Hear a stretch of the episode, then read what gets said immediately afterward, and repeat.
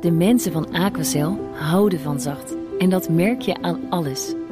Dankzij hen hebben we nu echt zacht water en een kalkvrij huis. Voor hun klanten zijn ze zacht. Dat zijn ze trouwens ook voor elkaar. Voor ons zijn zij de kracht van zacht. Aquacel. 100% zacht water, 100% kalkvrij. Blijf scherp. BNR Nieuwsradio.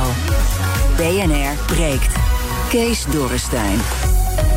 Goed dat je erbij bent. Vanaf half twaalf gaan we praten over de gemeenteraadsverkiezingen. Doen die er nu nog wel toe, nu de oorlog in Oekraïne speelt? Lastig ook voor gemeenteraadsleden. En banken die willen contant geld gaan weigeren... of zelfs verbieden van bedrijven. En daardoor komen die bedrijven in bepaalde sectoren in de problemen. Is het wel eerlijk in de strijd tegen witwassen... dat we ook de MKB'er in uh, de staalindustrie in de landbouw gaan pakken... waar gewoon veel contant geld in rondgaat? Daar ga ik het over hebben met de panelleden van vandaag. Tarim Ramjan, journalist bij het Parool. Welkom hier. Uh, Harman Krul, fractievoorzitter van het CDA in Den Helder. Militair ook bij de Koninklijke Marine. Goedemorgen. Moet jij niet campagne voeren? Waarom ben je hier in Amsterdam? Dit is een fantastisch uitje even voor mij, eh, Kees. Omdat je toch al denkt van nou, het CDA gaat toch nee, al tot verliezen, de laatste dus ik snik. geef het maar gewoon op. Zeker niet, tot de laatste snik, maar dit hoort er ook gewoon bij. We staan er niet goed voor in de peilingen. Nee, we staan er heel slecht voor in de peilingen. We hebben heel veel last van wat er landelijk gebeurt, maar we doen heel erg ons best om die gemeenteraadsverkiezingen, want het gaat over de gemeente, gaan we het zo over hebben, dat daar de focus op ligt. Ja, nou, misschien word je niet gekozen en heb je extra veel tijd om hier langs te komen. als ik niet gekozen word, denk ik dat ik ook de stad uitgestuurd word. Hoor, je bent nummer één van de lijst, dus dat betekent dat CDA er helemaal niet in zou komen natuurlijk. Um, dat allemaal zometeen na half twaalf. Maar eerst gaan we het hebben. BNR breekt. Breekijzer. Over Oekraïne en een oproep van president Zelensky. І зараз я повторюю знову: якщо ви не закриєте наше небо, то це лише питання часу, коли російські ракети впадуть вже на ваш Hij vraagt opnieuw een no-fly zone in te stellen voor het Oekraïnse uh, luchtruim. En dat moet dan van de NAVO komen na een aanval op de militaire basis in Javoriv op 30 kilometer van de grens van NAVO-land Polen. Want voordat je het weet eh, slaat daar ook een raket in... en dan ligt het in NAVO-gebied, zegt hij. Is Zelensky's waarschuwing terecht? En moet de NAVO nu een no-fly zone instellen? Of kunnen we beter wegblijven, want Rusland kan het als een provocatie zien? Ons breekijzer, een no-fly zone boven Oekraïne is een slecht idee...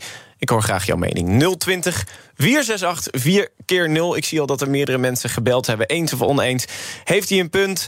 Ja, we moeten ook nu Oekraïne beschermen door dat dan maar te doen. Of nee, is alleen maar een provocatie tegen Rusland. Het is toch een conflict tussen Oekraïne en Rusland.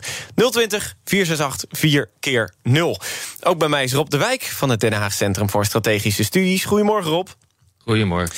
Natuurlijk ook bekend van BNR's Boekenstein en de Wijk. En jullie ja, praten al jaren over een derde wereldoorlog. Maar stel, we sluiten het luchtruim van Oekraïne... en dat wordt door de NAVO gedaan. Komt die derde wereldoorlog er dan ook? Ja, jongens, ik denk dat je dat soort vragen op deze manier gewoon niet moet stellen. Uh, want die derde wereldoorlog uh, komt er alleen maar als China er ook bij betrokken is. En daar is gewoon geen sprake van. Het wordt een grote oorlog uh, in Europa. Althans, die kans is vrij groot. Uh, maar een derde, wereldoorlog uh, zit er op deze manier uh, niet in. Dat kan pas als China bijvoorbeeld Taiwan aan gaat vallen en de Amerikanen daar ook moeten optreden. Ik bedoel, niets is uitgesloten, maar nee, dat, nee, dat ziet niet gebeuren. Die, die term zien, horen we in ieder geval de laatste tijd wel wat vaker vallen. Ja, maar er, ik hoor wel meer gelul op dit ogenblik op radio en televisie en in de kranten. En ik word er ook wat geïrriteerd van. inmiddels hebben we naast 17 miljoen virologen ook uh, eh, 17 miljoen uh, de defensiedeskundigen en geopolitieke experts. Dus ik uh, bedoel, laat maar gaan, denk ik. Nou, dat, nou, we blijven bij BNR altijd scherp. Ik ben niet zo'n kenner, dus daarom heb ik jou natuurlijk gewoon in de uitzending ook. Wel eventjes, op het moment dat we dat zouden doen... er wordt wel vaak gezegd, dat kan Rusland als een provocatie zien. Gaan ze dat dan ook zien, nou, of is dat lastig het woord kant er maar af, ja. hoor. dat zal ze als een provocatie zien. Maar het is misschien even goed uit te leggen... wat nou precies een no-fly zone is, want dat weten de mensen ook niet. Kijk, wat je probeert te doen met een no-fly zone is uh, voorkomen uh, dat uh, vijandelijke vliegtuigen boven een bepaald gebied in actie kunnen komen. Dat is al in de jaren negentig gedaan. bijvoorbeeld in Irak, het noordelijk en zuidelijk deel van Irak, dat waren no-fly zones. Dat was onder andere ter bescherming van de Koerden in het noorden. Uh, en daartoe hebben de Amerikanen een uh, actie ondernomen om ervoor te zorgen dat uh, die vliegtuigen van Saddam Hussein in Irak niet gebruikt konden worden. Als je dat nu wil gaan doen met de Russen, dan kan dat feitelijk niet eens. Want die vliegtuigen van de Russen komen namelijk van buiten Oekraïne. Dus je kunt wel een uh, no-fly zone instellen boven uh, Oekraïne. Maar dan nog kunnen bijvoorbeeld uh, raketten vanaf vliegtuigen worden afgevuurd buiten uh, Oekraïne. Dus je zal ook Rusland in moeten gaan. Nou ja, als je nou uh, ja, echt dat per kan niet. se... Nou ja, als je nou per se gewoon een hele grote oorlog in, uh, in Europa wil hebben, dan moet je dat vooral wel doen. Maar dat lijkt me nou niet zo'n verstandig idee. Nee. Dus dat gaat niet. En bovendien, raketten worden, die van de grond worden gelanceerd, die, die, die kun je ook niet uh, aangrijpen met een no-fly zone. Dus het is een, labmiddel die niet heel erg effectief is. Op een aantal gebieden wel, omdat je daarmee wel hulpgoederen bijvoorbeeld over de grond kunt, uh, kunt aanvoeren. Uh, met minder gevaar voor, voor eigen leven. Maar door de bank genomen leidt het alleen maar tot een ongelooflijk groot conflict met Rusland. Ja, maar dan Zelensky blijft er maar om vragen. Wat is, Ja, wat, moet die weet toch zelf ophouden. eigenlijk ook dat het eh, niet er, er niet gaat Ja, komen? natuurlijk. Maar hij probeert natuurlijk eh, de, eh, de publieke opinie, vandaar dat we er nu ook weer over zitten te praten, eh, probeert hij te, eh, te beïnvloeden. Hij weet gewoon, als hij het maar vaak genoeg eh, zegt, dat er altijd binnen de publieke opinie, maar ook binnen de politiek, mensen beginnen te komen die zeggen, nou ja, het is misschien toch wel een goed idee. Nou, en dan gaan we dat misschien dan toch wel doen. waarmee we onszelf dus geen goede diensten bewijzen, omdat we daarmee in een complete oorlog worden gezogen, waarbij gewoon de inzet van kernwapens niet uitgesloten is. Nou, de vraag is of iedereen daarom te uh, om te springen zit. En ja, hij maakt ook gewoon gebruik van de onkunde die er is onder, uh, onder het publiek, maar ook Onder, onder al die Ruslandkenners uh, die. En, nou, veel Ruslandkenners zijn natuurlijk ook gewoon geen defensiespecialisten of geopolitieke experts. Dat wordt nu ook allemaal door elkaar gehaald. Maar in de politiek. Uh, is die kennis natuurlijk ook afwezig en heeft men ook niet helemaal de indruk hoe dit moet gaan. Realiseer je dat de generatie politici die hebben toegestaan dat we 30 jaar lang ge, uh, bezuinigd hebben op defensie. Die moeten ons nu door, de, door dit conflict leiden. Dat is ook niet echt een lekkere combinatie. Bellen, dus, bellen ze jou nooit dan, Rob? Even ter, ter nou ja, of informatie. ik wel of niet gebeld laat, wordt, dat laat ik gewoon in het midden. Maar ik constateer, uh, ik constateer dat dat het geval is. En dat is echt een groot probleem hoor, op dit ogenblik. Dus ja. krijg je ook dit oeverloze gedoe en dat gezeur over zo'n no-fly zone. Terwijl uh, dat ultiem gevaarlijk is. Nou, tot nu toe zegt de NAVO godzijdank en ook Biden zegt godzijdank, dat moeten we niet doen. We praten zo meteen verder en dan stoppen we met het gelul over de no-fly zone, uh, zo, zoals je Heel het noemt. Maar Heel wel even graag. kijken naar wat gebeurt er dan op het moment dat er wel zo'n raket op NAVO-grondgebied uh, landt. Want dan zijn we een stap verder. Hebben we het zo meteen over. Uh, Harmen, je bent zelf ook militair. Ik, Ja. ik hoorde je, ik zag je net ook een beetje moeilijk kijken. Ja, ik, ik vind het wel wat makkelijk wat de heer De Wijk zegt van nou, Zelensky moet daarmee stoppen. Zelensky is het staatshoofd van een, eh, van een land wat, onder, wat belegerd Maar, wordt. maar heeft hij niet een punt natuurlijk dat hij alles de wat kan. publieke opinie probeert te Ja, en dat moet hij vooral blijven doen. Want je moet wel vanuit het perspectief van deze president eh, kijken naar zijn, naar zijn handelingen. Hij doet er alles aan om die NAVO-landen hierbij te betrekken. Omdat zijn eigen land en de integriteit en de soevereiniteit van zijn eigen land onder, onder, onder het spel staat. Daar moeten wij maar mee omgaan. En natuurlijk, zo'n no-fly zone zou militair gezien een enorm risico met zich meebrengen. Omdat je Nou, de enorm NAVO risico, dan, dan zijn we Nou, gewoon dan in zijn we oorlog. toch klaar. Ja. Dan, moet, Dan zijn we klaar, want- van hem verwachten dat hij er eens een keer mee stopt met dat, eh, met dat oproepen. Want voor je het weet, hè, er- weer een kinderziekenhuis. En de, eh, de, de vraag om een, eh, de roep om een no-fly zone zwelt hier aan in dit deel van de wereld. En voor je het weet zijn er politici met zwakke knieën, die gaan het toch Ja, doen. ja, maar toch, toch kan ik het Zelensky niet kwalijk nemen dat hij redeneert als president Nee, van niet. Oekraïne en niet lid van de NAVO of, of inwoner van Nederland. He, vanuit ons perspectief snap ik dat we zeggen: stop daarmee, want er zijn politici met zwakke knieën. Maar vind En- je, hoe, hoe, hoe, eh, hoe zijn de knieën van eh, onze Nederlandse politici? Rob zei net al, van dat is de generatie die er de hele tijd op bezuinigt. Ja, kijk, ik, ik, ik ben het daar helemaal mee eens. Ik vind, het echt, ik vind dat wel een beetje hypocriet. Drie maanden geleden, toen, toen het regeerakkoord gepubliceerd werd... kwamen twee partijen nog met een tegenbegroting... waarin 2 miljard bezuinigd moest worden op defensie.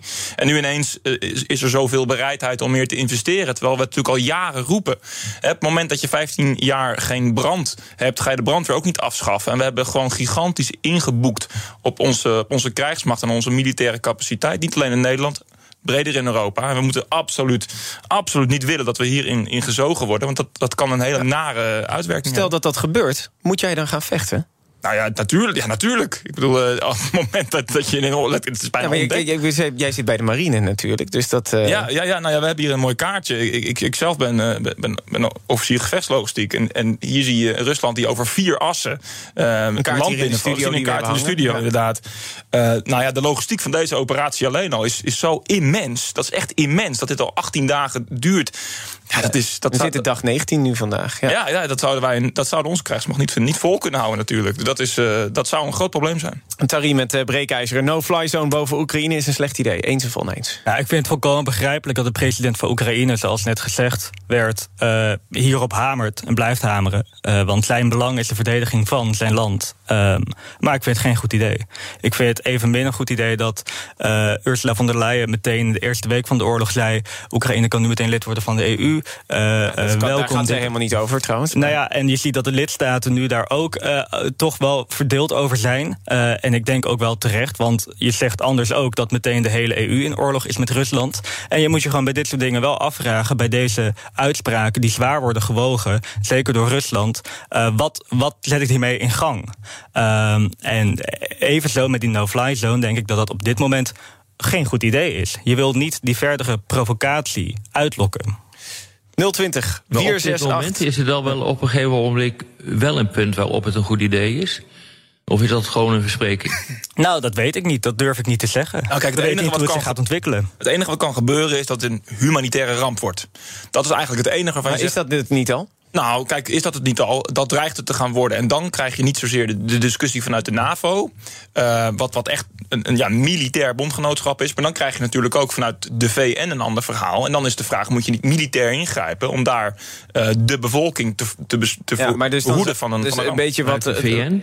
Maar dat kan toch helemaal niet? Daar zit toch Rusland in en China Ja, in de permanente dus Vanuit de VN kan dat helemaal niet. Ja, dan krijg je een coalition of the willing bijvoorbeeld. Hè. Dan krijg je een, een groep. Uh, ja, maar ik weet niet of je blauwhelmen kan sturen ik, zonder. Uh, nee hoor, nee, nee. Dit soort ideeën zit ik nu al te denken van hoe kom ik aan een ticket om naar Afrika of Zuid-Amerika te investeren. Hoor. Ik, ik vind dit echt onverantwoorde uitspraken die nu worden gedaan. Ja, het werd ook. we, vanochtend hadden we nog een, een parlementslid, Duits parlementslid van de Groenen.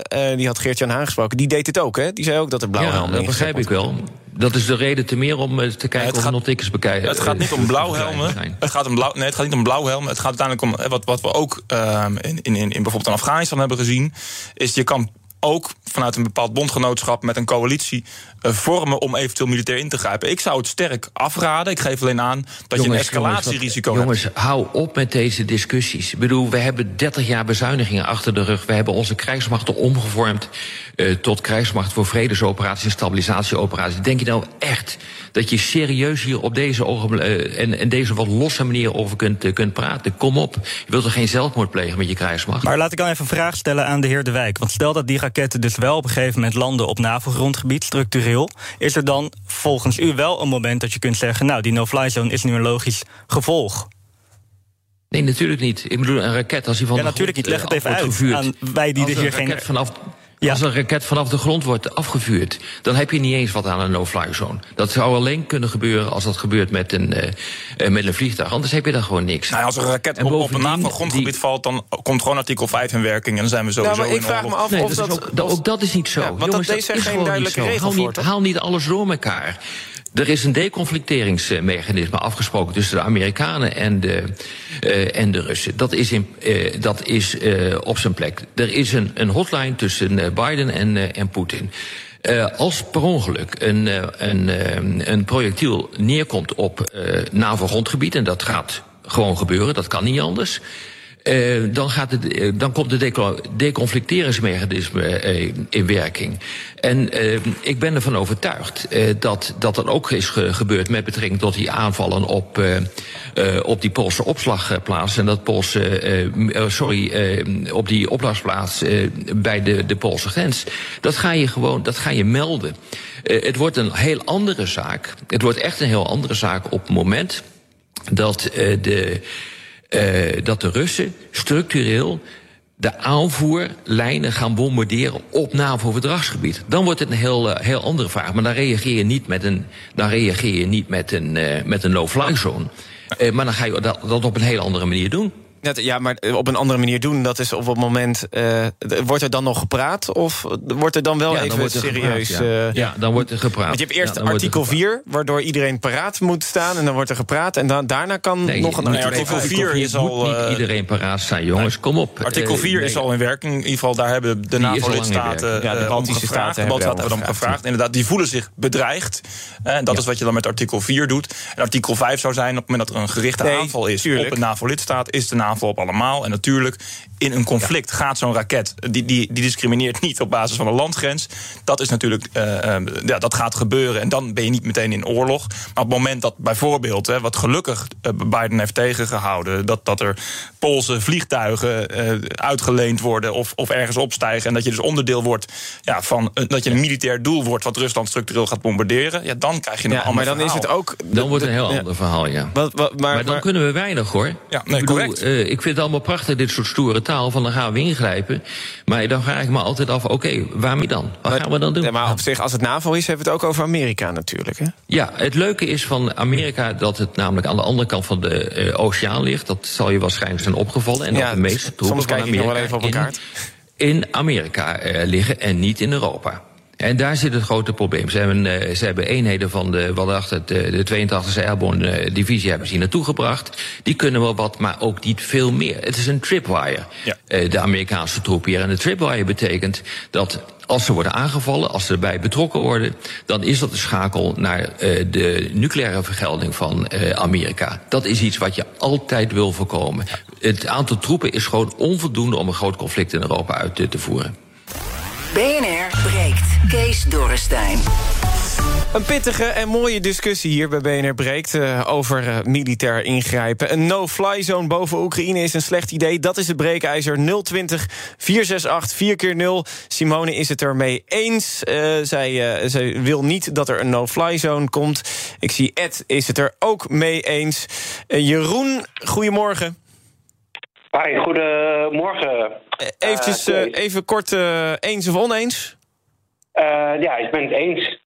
Eens, niet doen, waarom? Ehm, ja, maar ehm, wat ik wel hoop is ehm, vrede op de wereld. Ja, dat snap ik, maar dat is, dat is een hele mooie gedachte. Ik denk dat Poetin er anders over denkt. Maar waarom zou je dan niet... waarom ben je het eens met de stelling dat we niet die no-fly zone moeten doen?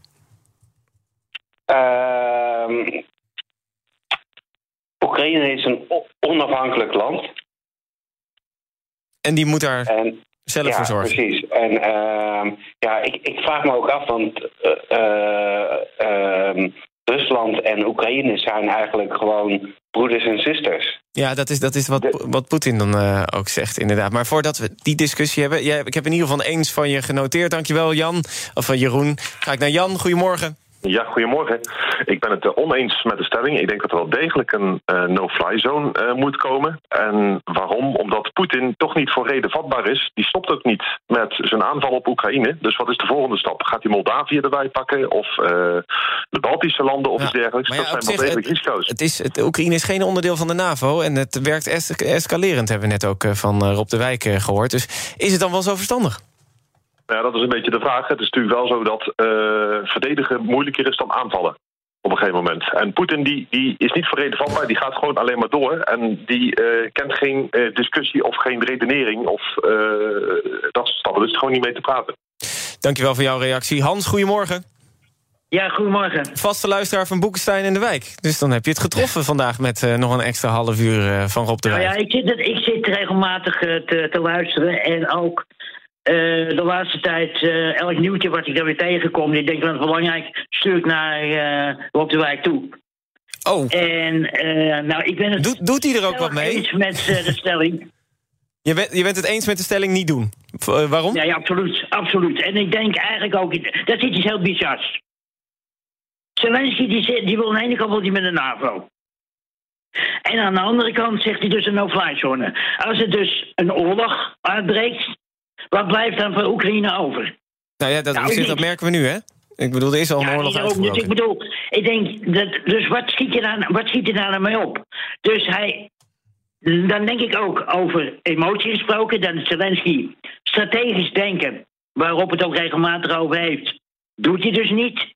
Hij reageert dus puur uit emotie. Natuurlijk, hij is president van het land. Oké, maar aan de andere kant, verder denken. Ja, wat jou betreft uh, moet... Over, over het muurtje denken. Oh. Dat doet hij dus niet. Want als hij dus een hele grote oorlog uitbreekt, dan is hij ook weg. Dus wat schiet hij daar nou mee op? Hij schiet er niks mee op, zeg jij Hans. Dankjewel voor jouw reactie. Ik zie nog Robert, die is het zowel eens als oneens. Hij zit een beetje in een lastig pakket. Hij zegt ja, aan de ene kant wil je niet toekijken... Uh, maar aan de andere kant ook geen verdere escalatie uh, veroorzaken. Fred die zegt eens, want de NAVO uh, die wordt dan betrokken bij het conflict. Um, Rob, terug naar Rob de Wijk van het HCSS. Um, is de NAVO eigenlijk voorspelbaar? Want ik hoor vaak kritiek erop dat de NAVO te voorspelbaar is wat dat betreft. Dus dat Poetin precies weet wat hij wel en niet kan doen. Nou, dat is ook heel goed. Ik zou de NAVO, eh, zolang die geen onderdeel is van het conflict, buiten gewoon voorspelbaar eh, zijn. Doe je dat niet, uh, dan uh, kan het gewoon maar zo voorkomen dat er mispercepties ontstaan, waardoor de NAVO bij het conflict wordt betrokken. Dus de NAVO op dit ogenblik, omdat het geen partij is in het conflict, indirect natuurlijk wel met de wapenleveranties, moet volstrekt voorspelbaar zijn. Dat is strategisch juist. Maar Stoltenberg nog die, even die over dat. Ja? Hè? De Stoltenberg die had ook gezegd hè, dat de, de is helemaal, zij is helemaal niet van plan, de NAVO-chef, uh, voor een, uh, om een no-fly zone in te stellen. Nee, en dat Biden ook niet. Biden wil absoluut niet betrokken worden bij een uh, conflict in Europa, want hij heeft zijn, uh, zijn middelen hard nodig uh, voor, voor China. dus dat is natuurlijk het hele punt. Maar nog even, de mensen die dus voor een no-fly zone uh, waren. Godzijdank was er nu maar één. Ik begrijp dat wel. Hè. Ik, ik begrijp die emotie. Meteen is die emotie ook buitengewoon gevaarlijk. Iets wat emotioneel en moreel misschien het goede is, kan strategisch gezien totaal fouten zijn. En dat komt in belangrijke mate omdat we gewoon 30 jaar lang hebben bezuinigd op defensie. We hebben geen militaire knuppel meer achter uh, de hand. Dus raak je hierbij betrokken, dan heb je dus gewoon echt een geweldig probleem. Ja, maar uh, u zegt dan wel, we hebben geen militaire knuppel. Wij, hebben, wij, ik bedoel, wij hebben ook kernmachten in de NAVO zitten natuurlijk. Is dat uiteindelijk niet wat de balans handhaaft? Dat het feit dat zowel Rusland als Amerika en andere landen uh, kernwapens ja, hebben? heeft niets met een no-fly zone te maken. Dat betekent, omdat wij zo weinig uh, conventionele strijdkrachten hebben. Op papier hebben we er een hele hoop, maar het functioneert niet meer. Ze zijn ook ontwikkeld de afgelopen uh, 30 jaar voor een totaal andere missie. Collectieve defensie is niet meer centraal. Komen te staan de afgelopen uh, jaren. Ja, kom je gewoon in een situatie dat je dat, dat je dat niet kan. En dat daarmee ook de nucleaire drempel omlaag wordt uh, gebracht. Er wordt wat mij betreft ook veel te gemakkelijk op dit ogenblik gezegd... maar we hebben toch kernwapens. Heb je al enig idee waar je het over hebt? Ja. Vraag ik me altijd af als mensen dat uh, roepen. Een kernwapen, als dat gebeurt, kan het einde van de wereld betekenen. Ja, in ieder geval van Europa. Ze zeggen nog wel eens van... Uh, we weten niet hoe de Vierde Wereldoorlog uh, gevochten... of we weten niet ja. precies hoe de Derde Wereldoorlog... hoe er precies gevochten wordt, maar de vierde met stokken, als het ware. Als het echt exact. helemaal uit ja, de hand exact. Ja, dan ga je, je bombardeert je terug naar het stenen tijdperk, ja. Maar dan vraag aan, aan, aan de heer De Wijk... heeft het niet iets paradoxaals dan? Als we enerzijds zo snel mogelijk dan die de-escalatie willen. En we willen niet betrokken raken. Maar juist door die wapenleveranties die wij doen, het, het, het conflict dus eigenlijk ook verlengen. Hè? De, en, dus ook ja, de, en ook het risico op die escalatie eigenlijk alleen maar vergroten. Doordat we ze zo uh, helpen met van alles en nog wat. Ja, dat is ook zo. In theorie zou je het beste helemaal niks kunnen uh, doen en kijken hoe uh, snel dat conflict uh, voorbij zijn. Dat, dat is ook zo. Ik bedoel, er is nu eenmaal voor deze situatie gekozen en door deze sancties gekozen, deze militaire hulp. Maar realiseer je dat sancties en hulp die verhogen de drempel voor Rusland om iets te doen. Uh, dus dragen bij aan de afschrikking. Maar op het moment dat die afschrikking gefaald heeft, en dat heeft hij, dragen ze bij aan ongewilde escalatie. En in die situatie zitten we nu. En uh, daarom pleit ik uh, ook al een paar dagen voor... jongens, uh, ik ben het eens dat al die wapens zijn geleverd... en al die sancties zijn opgelegd... Maar wacht nu even, hou nu even letterlijk rust bij de stukken... en kijk hoe dit conflict zich ontwikkelt... En hou sancties en wapenleveranties nu achter de hand voor als het weer nodig is, omdat het conflict in een volgende fase is gekomen. Nou, dat wordt, dat wordt nu, uh, zie ik ook op de sociale media, uh, gezegd van dat, dat, dat wordt nu uitgelegd als soft. Dat is het niet. Het is nog steeds keihard. Is het niet gewoon Alleen, wegkijken? Ja, nou, dat, nee, dat is het natuurlijk niet. Ik bedoel, ja, dat is een politieke term, die moet je maar vooral gebruiken voor, uh, uh, voor onze Nederlandse politici, maar niet op dit gebied. Dit is wat ik zeg, dat iets dat moreel juist kan zijn, kan strategisch ontzettend fout zijn. En dat geldt ook hiervoor. Uh, je moet er rekening mee houden dat het nu escaleert en we hebben niks aan militaire macht achter de hand en dan escaleert het direct naar nucleair. Dat moet je voorkomen. Bovendien wordt er iedere keer maar gedacht dat uh, sancties, als je ze nu instelt, wapenleveranties die je nu doet, dat dat direct effect heeft. En dat is niet zo. Dat kost weken, kost maanden voordat je de effecten allemaal kan zien. Dus het opeenstapelen van sancties en wapenleveranties is gewoon niet verstandig. Je hebt ook niks meer achter de hand voor als het verder escaleert.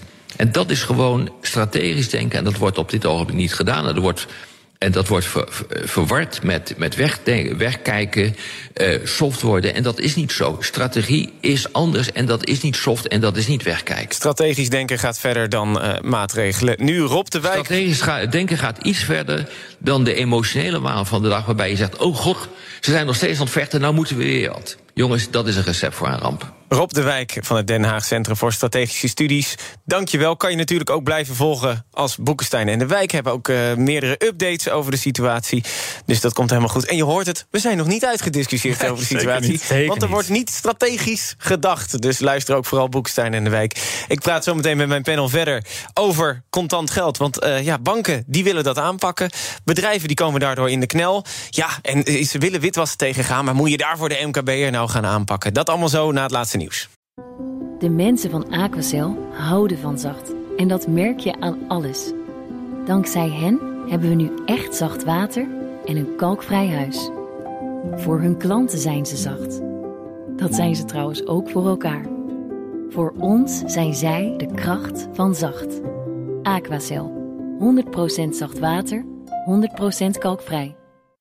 Blijf scherp. BNR Nieuwsradio. BNR breekt. Kees Dorrestein. Goed dat je erbij bent, het discussieprogramma van de Nederlandse Radio. Zeker wat betreft nieuw discussietalent. Harme Krul, fractievoorzitter van het CDA en Den Helder hier ja. aanwezig. Tarim Ramjan is het andere panellid, journalist bij onder andere Het Parool.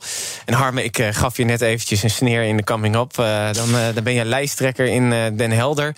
En dan zit jij gewoon om 11 uur maandagochtend lekker op de nationale radio. Ja, ja. Dat moet je hoe, niet campagne voeren. Hoe natuurlijk. ziet zo'n dag er nou uit hè, voor zo'n lokale lijsttrekker? Nou, wij stonden om zes uur al klaar vanochtend op het uh, station in Den Helder. Een, een startpunt. Dus daar stopt. Al geflyerd? Daar hebben wij natuurlijk heerlijke mandarijntjes uitgedeeld. Voor alle reizigers, alle hardwerkende mensen die weer. en de studenten die in de trein stapten.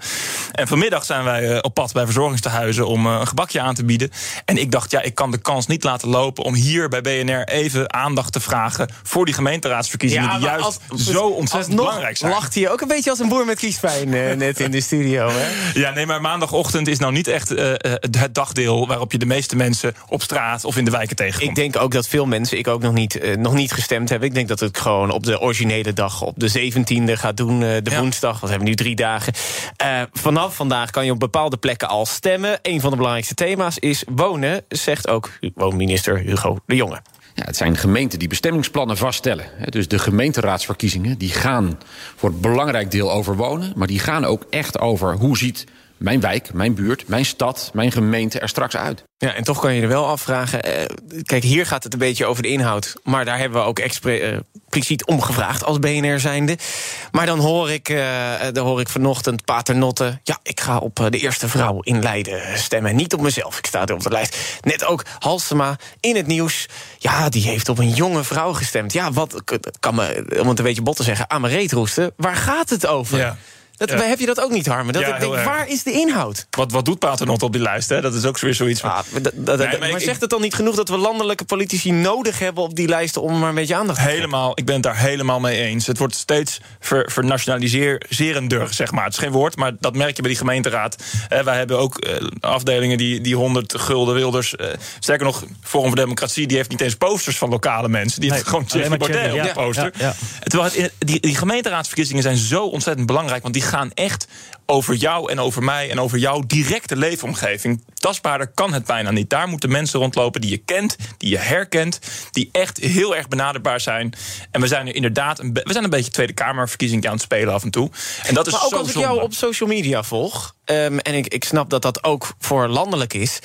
maar ik zie niet heel veel punten. Ja, je hebt af en toe wel een, een, een flart van, van hier staan we voor... maar moet je niet veel meer van... Dit, dit zijn gewoon onze punten, dit is de inhoud dat we willen veranderen. Ja, ik, ik, ik weet niet of het, of het jou heel erg interesseert wat we gaan doen met het kruispunt op de Ruigweg in Den Helder. Maar, maar daar gaat het natuurlijk wel om bij de gemeenteraadsverkiezingen. Natuurlijk hebben wij die punten ook. Die zijn ongelooflijk specifiek. En gemeenteraadsverkiezingen partijen die daar actief in zijn, dan gaat het ook veel vaker over standpunten. Wat vinden we van een supermarkt daar? Wat vinden we van locatie X? En veel minder over de ideologie of de onderliggende waarden. Dus je bent veel meer bezig met standpunten. En natuurlijk hebben wij die ook. Eh, Ik hoorde net de minister Hugo de Jonge zeggen: er moeten meer woningen gebouwd worden. Ja, was ook Nou, makkelijk, hè? Ik Lekker, het is, een beetje makkelijk, want heel, alle gemeenten willen meer woningen bouwen, maar worden vervolgens door provincie en Rijk vaak Ja, teruggefloten. maar hebben ook te maken met eigen bureaucratie en ook tuurlijk. regeltjes en eh, bezwaarprocedures en dat soort dingen. Dus je kan dit niet zomaar bij de provincie natuurlijk neerleggen. Nee, nee, we hebben het veel te moeilijk gemaakt. We, willen graag binnenstedelijk bouwen. Nou, da- dat, dat is voor heel veel gemeentes mogelijk en voor heel veel gemeentes ook niet. Tegelijkertijd zie je een uitstroom van jonge mensen uit hun gemeente, omdat ze daar gewoon geen plek meer kunnen vinden. En links, rechts, midden, lokaal, landelijk, iedereen is het erover eens. Maar het echt aanpakken, dat is toch heel moeilijk. Tarim, denk je doordat nu we ook het nieuws uit Oekraïne hebben... dat de plaatst de gemeenteraadsverkiezingen natuurlijk ook in perspectief... eh, het is ook lastig om campagne te voeren voor partijen... van eh, je wil ook niet zomaar onsmakelijk eh, opvallen wat dat betreft. Ja, het is een vervelende timing natuurlijk. En ik denk wel dat eh, bij sommige mensen een soort relativering in werking is getreden. Van ja, er gebeurt in Oekraïne van alles en het komt wel heel dichtbij. Maar denk je dat daardoor ook niet... eh, dat mensen het eigenlijk gewoon vergeten of links laten liggen... en denken van ja, ik weet Nou, er niks exact. over, van, eh, laat maar zitten. Exact. En je ziet ook wel politici die proberen dat te spinnen. Die advertentie hè, van D66, als we het over landelijke politie hebben... van ja, wij leven hier wel in vrijheid. was van het weekend. We leven hier wel in vrijheid, maak daar gebruik van. Ik denk dat dat op zich wel een, een, een slimme zet is. Los van alle zinnen van twee of drie woorden maximaal in de advertentie... eh, waar ik me dan eh, wel heel precies- erger. Precies, maar zit daar dan een beetje de inhoud in? Of is het weer een beetje op het gevoel van... stem op een vrouw, eh, ga alsjeblieft stemmen, Nou ja, kijk. we hebben democratie. Weet je wat het is? Die inhoud. ehm, we kunnen het daar ook een uur over gaan hebben. Maar er haken zoveel mensen af. omdat ze dat nou eenmaal zo saai ik vinden. Daarom we hebben de we opmerking van stemwijzers, Harmen over kruispunt... al tien luisteraars kwijt zijn geraakt. Ja, sorry, sorry. Ja. Ja, dat- Maar dat is natuurlijk wel lastig. Dus je moet kijken van hoe kunnen we zo'n inhoudelijke boodschap wel zo effectief mogelijk verpakken en aantrekkelijk mogelijk verpakken. En, En- jij werkt bij Parool, de Ja. Amsterdamse krant. Ja. Dus dat ik, eh, zit er genoeg inhoud ook vanuit die lokale partijen... dan wat betreft Amsterdam ook dan in jullie krant? Of moeten jullie er ook heel erg voor zoeken? Zeker, we hebben gisteren nog een, een groot slotdebat georganiseerd in de Bali, waar eh, veel belangstelling voor was. Amsterdam is natuurlijk wel een beetje een gekke gemeente als je het hebt over de verhouding tussen landelijke politiek en de stad. Eh, omdat het natuurlijk de grootste stad van het land is. En veel plannen die in Amsterdam worden uitgevoerd, je daar toch het Rijk voor nodig hebt. Maar ook best wel het Rijk daar ergens toe kan bewegen. Er is best een vinger in de pap die Amsterdam heeft. Eh, een van de thema's, niet een heel groot thema, is bijvoorbeeld het sluiten van de metrolijn. Niet dat de metro dicht moet, maar, maar de, de ringlijn sluiten. Een heel technisch verhaal, maar komt neer op verlengen van die metro. Eh, ja, dat kan niet zonder geld van het Rijk. Eh, dus dat, dat is dan toch een landelijk element wat ook in die verkiezingen doorcijpelt. En, daar kan je niet omheen. Als we dan weer toch uiteindelijk terug bij landelijk komen... want ja, je ziet toch ook de lijsttrekkers... ook toch op een bepaalde manier campagne voeren... Denken jullie dat er veel landelijke partijen uiteindelijk afgerekend zullen worden? Of in ieder geval eh, lokale partijen vanwege hun eh, landelijke evenknie? Ja, dat is altijd wat je, wat je heel erg merkt bij een gemeenteraadsverkiezing. En dat gaat twee kanten op. Hè. Het moment dat D66 in de Tweede Kamerverkiezing heel erg groeit, krijg je er veel meer leden bij. Ja, maar gaan ook bijvoorbeeld horen. kritiek eh, op Kaag. eh, Tuurlijk, maar dat zijpelt altijd door. Wij hebben dat in Helder ook gemerkt. Op het moment dat jij eh, een campagne voert voor de straat X. En je krijgt toch als reactie van ja, maar toeslagen, schandaal. Of, ja, ze- of ze En, hebben niks met Hoekstra. Wat doen ze allemaal in, in Den Haag? Dat is, ook, dat is misschien het nadeel van landelijke partijen zijn. Maar dat is ook een heel groot voordeel. Want op het moment, ik heb het hier zelf bij BNR een paar keer mogen zeggen. dat ergens in de provincie een monument, een vuurtoren op omvallen staat. dan zijn het wel de landelijke partijen die het linkje hebben en zoeken naar Den Haag. en het daar op de agenda zetten. Dus het heeft voor- en nadelen. Of kunnen lokale partijen juist niet hiervan profiteren... Door, omdat ze zo lokaal zijn, het echt die, die punten aan te sp- stippen... zonder dat het over Oekraïne gaat? Of dat soort nee, dat, dat, dat vind ik onzin. Kijk, alle, par- alle partijen die meedoen, landelijk en lokale partijen in de gemeente, zijn lokaal. Het zijn lokale mensen die in die gemeente wonen, die in die gemeenschap actief zijn. Ook gewoon bij de voetbalvereniging zitten, in het buurthuis actief zijn. En de een is lid geworden van het CDA en de ander lid geworden van de lokale partij. Maar ze zijn even zo goed lokaal. En alsnog maak jij je wel best zorgen om, eh, vanwege de, of de landelijke even. Ja, nou ja, ja, tuurlijk maak ik me zorgen. Je ziet ook de landelijke peilingen. Dat is iets waar we ontzettend hard tegen opboksen en heel erg ons best doen. En ik hoop dat we ze gaan eh, verslaan, die Nou, peilingen. lieve, jij bent lijsttrekker, dus dan, dan zou je wel verwachten dat jij het in ieder geval eh, redt. Wat De mensen van Aquacel houden van zacht. En dat merk je aan alles. Dankzij hen hebben we nu echt zacht water en een kalkvrij huis. Voor hun klanten zijn ze zacht. Dat zijn ze trouwens ook voor elkaar. Voor ons zijn zij de kracht van zacht. Aquacel. 100% zacht water, 100% kalkvrij. BNR breekt. Ah, Kees Kort komt heel snel weer hoor. Die, eh, daar zitten we achteraan. Eh, heren, eventjes iets anders. Banken die willen witwassen aanpakken. Eh, mooi verhaal in het FD vandaag. Niet mooi voor ondernemers in bepaalde sectoren. Want banken dringen contant geld steeds meer terug. De Rabobank zit er zelfs over te denken om het helemaal te verdienen. Maar ja. Daardoor komen problemen eh, voor, voor bedrijven die te maken hebben met veel contant geld. Denk aan de auto-industrie, de staalindustrie, eh, de landbouw waar dat mee omgaat. Ehm, en die bedrijven die zeggen ja, dit gaat wel heel snel en ik wil gewoon mijn contante geld nog blijven leveren. De banken die zeggen, ja, nee, dat is tegen witwassen. Wie heeft een punt? Nou, ik, de, de MKB-bedrijven. Ik, ik vind dit heel vaak een reflex wat je ziet... op het moment dat er een paar bedrijven... of misschien wel meer bedrijven het verpesten voor de rest... dat we uiteindelijk het allemaal en iedereen moeilijk gaan maken. Dus ik, ik ben het eigenlijk wel eens met de MKB-bedrijven... dat je ook een manier moet gaan vinden om dat witwassen... want dat is echt een probleem, om dat aan te pakken... zonder dat je nou meteen over de hele breedte mensen gaat benadelen. En dat, dat, dat, lijkt, dat lijkt mij ehm, een risico als je dit op deze manier gaat organiseren. Hoe kijk jij er eh, naar haar, eh, Tarin? Nou, ik vind het niet vreemd om te vereisen dat je moet verantwoorden waar het geld vandaan komt. Waar je wel naar moet kijken is de regeldruk en vooral hoe consistent zijn de regels die je stelt.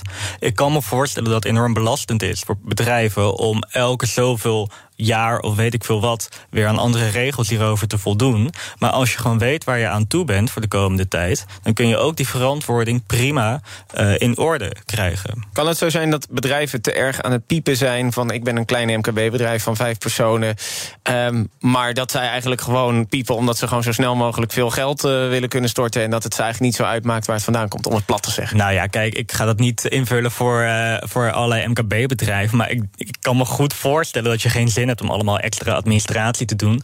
Als je daar zelf ook niet het nut van inziet. En als je ook gewoon in goed vertrouwen handelt en zegt: ja, mijn geld komt gewoon uit mijn bedrijfsvoering. Je kan ook denken, uh, de banken die hebben natuurlijk de afgelopen tijd uh, stevige boetes gekregen. omdat ze niet goed genoeg daar tegen acteren, tegen dat witwassen. Um, is het MKB daar nu niet de dupe van? Want los je het witwasprobleem nou op door die, die vijfmansbedrijven te pakken? Nou ja, ergens vind ik het wel logisch dat je dat risico wat die banken lopen met die boetes, dat ze die krijgen, dat je dat doorberekent aan je klanten. Dat je zegt van, nou ja, wij gaan uiteindelijk toch om met jullie geld. En wij kunnen niet van iedereen controleren, eerste hand, waar dat vandaan komt. Dus daar draag je, uh, heb je zelf een zorgplicht voor. Dat vind ik niet vreemd, nee. Harmen, je hebt het nu over die bedrijven, maar we weten ook... Weet je, ik, uh, ik kom van het boerenland, daar ging ook heel veel contant geld om in daar gebeurde ook wel wat dingetjes zwart. Daar wil ik gewoon eerlijk over zijn. Ook als je je huis een keer hebt laten verbouwen. Het kan zijn dat je een, uh, een deel uh, gewoon wit doet... en een deel ook een beetje zwart handje, uh, handje contantje. Zijn die bedrijven ook niet aan het piepen... omdat ze gewoon de regels omzeilen? Ja, kijk, ja en, ja en nee. Ik, ik denk inderdaad dat het zo is...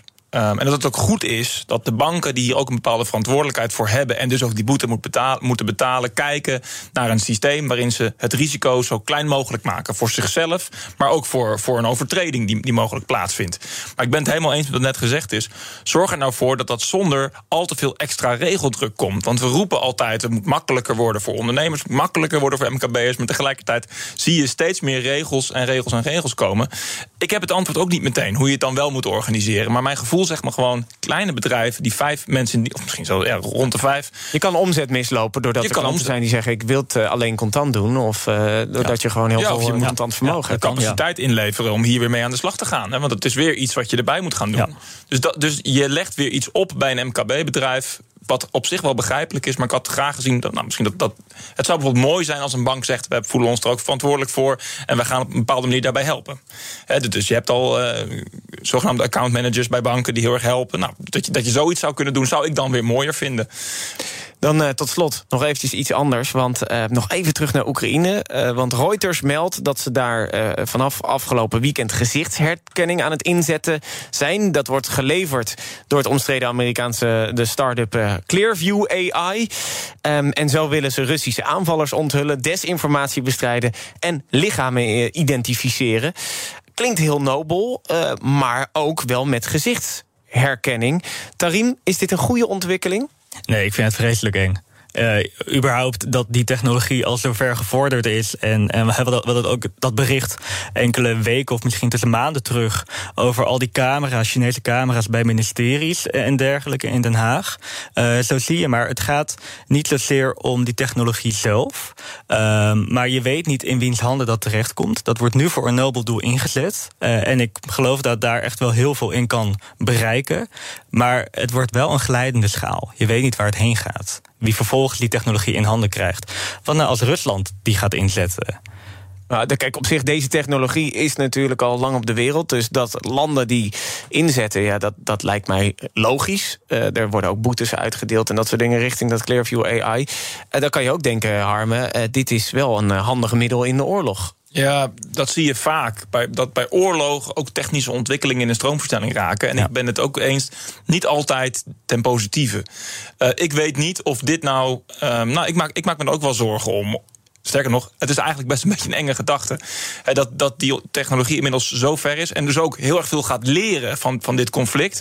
Zodat het alleen maar nou, verder, uh, verder ingevoerd kan worden. Ik, uh, ik vind het geen prettige gedachte. Geen prettige gedachte. Nee. Tot slot nog even het laatste trending nieuws.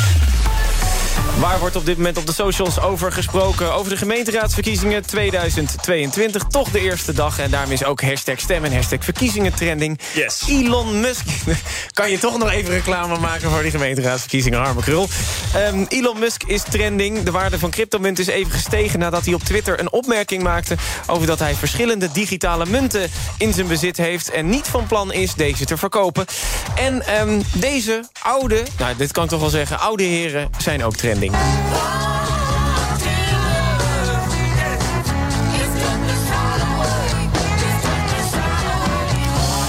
Ja, 13 juni staan ze weer in Nederland. Ze weten niet van ophouden, zelfs zonder drummer... want Charlie Watts, die is er niet meer onder ons. Gaan ze toch weer optreden. Uh, de Britse band, band die, uh, die viert zijn 60-jarig bestaan... en die komt dus naar Nederland. Ga je er naartoe, Harmen? Nee. Nee, Tarim, nee, ga je nee. er naartoe? Nee, helaas. Nee. En gelukkig draaien we ook geen muziek op BNR. Dus uh, geen Rolling Stones meer voor jullie vandaag. Zometeen zaken doen met Thomas van Zel. Morgen ben ik er weer. De mensen van Aquacel houden van zacht. En dat merk je aan alles. Dankzij hen hebben we nu echt zacht water en een kalkvrij huis. Voor hun klanten zijn ze zacht. Dat zijn ze trouwens ook voor elkaar. Voor ons zijn zij de kracht van zacht. Aquacel. 100% zacht water, 100% kalkvrij.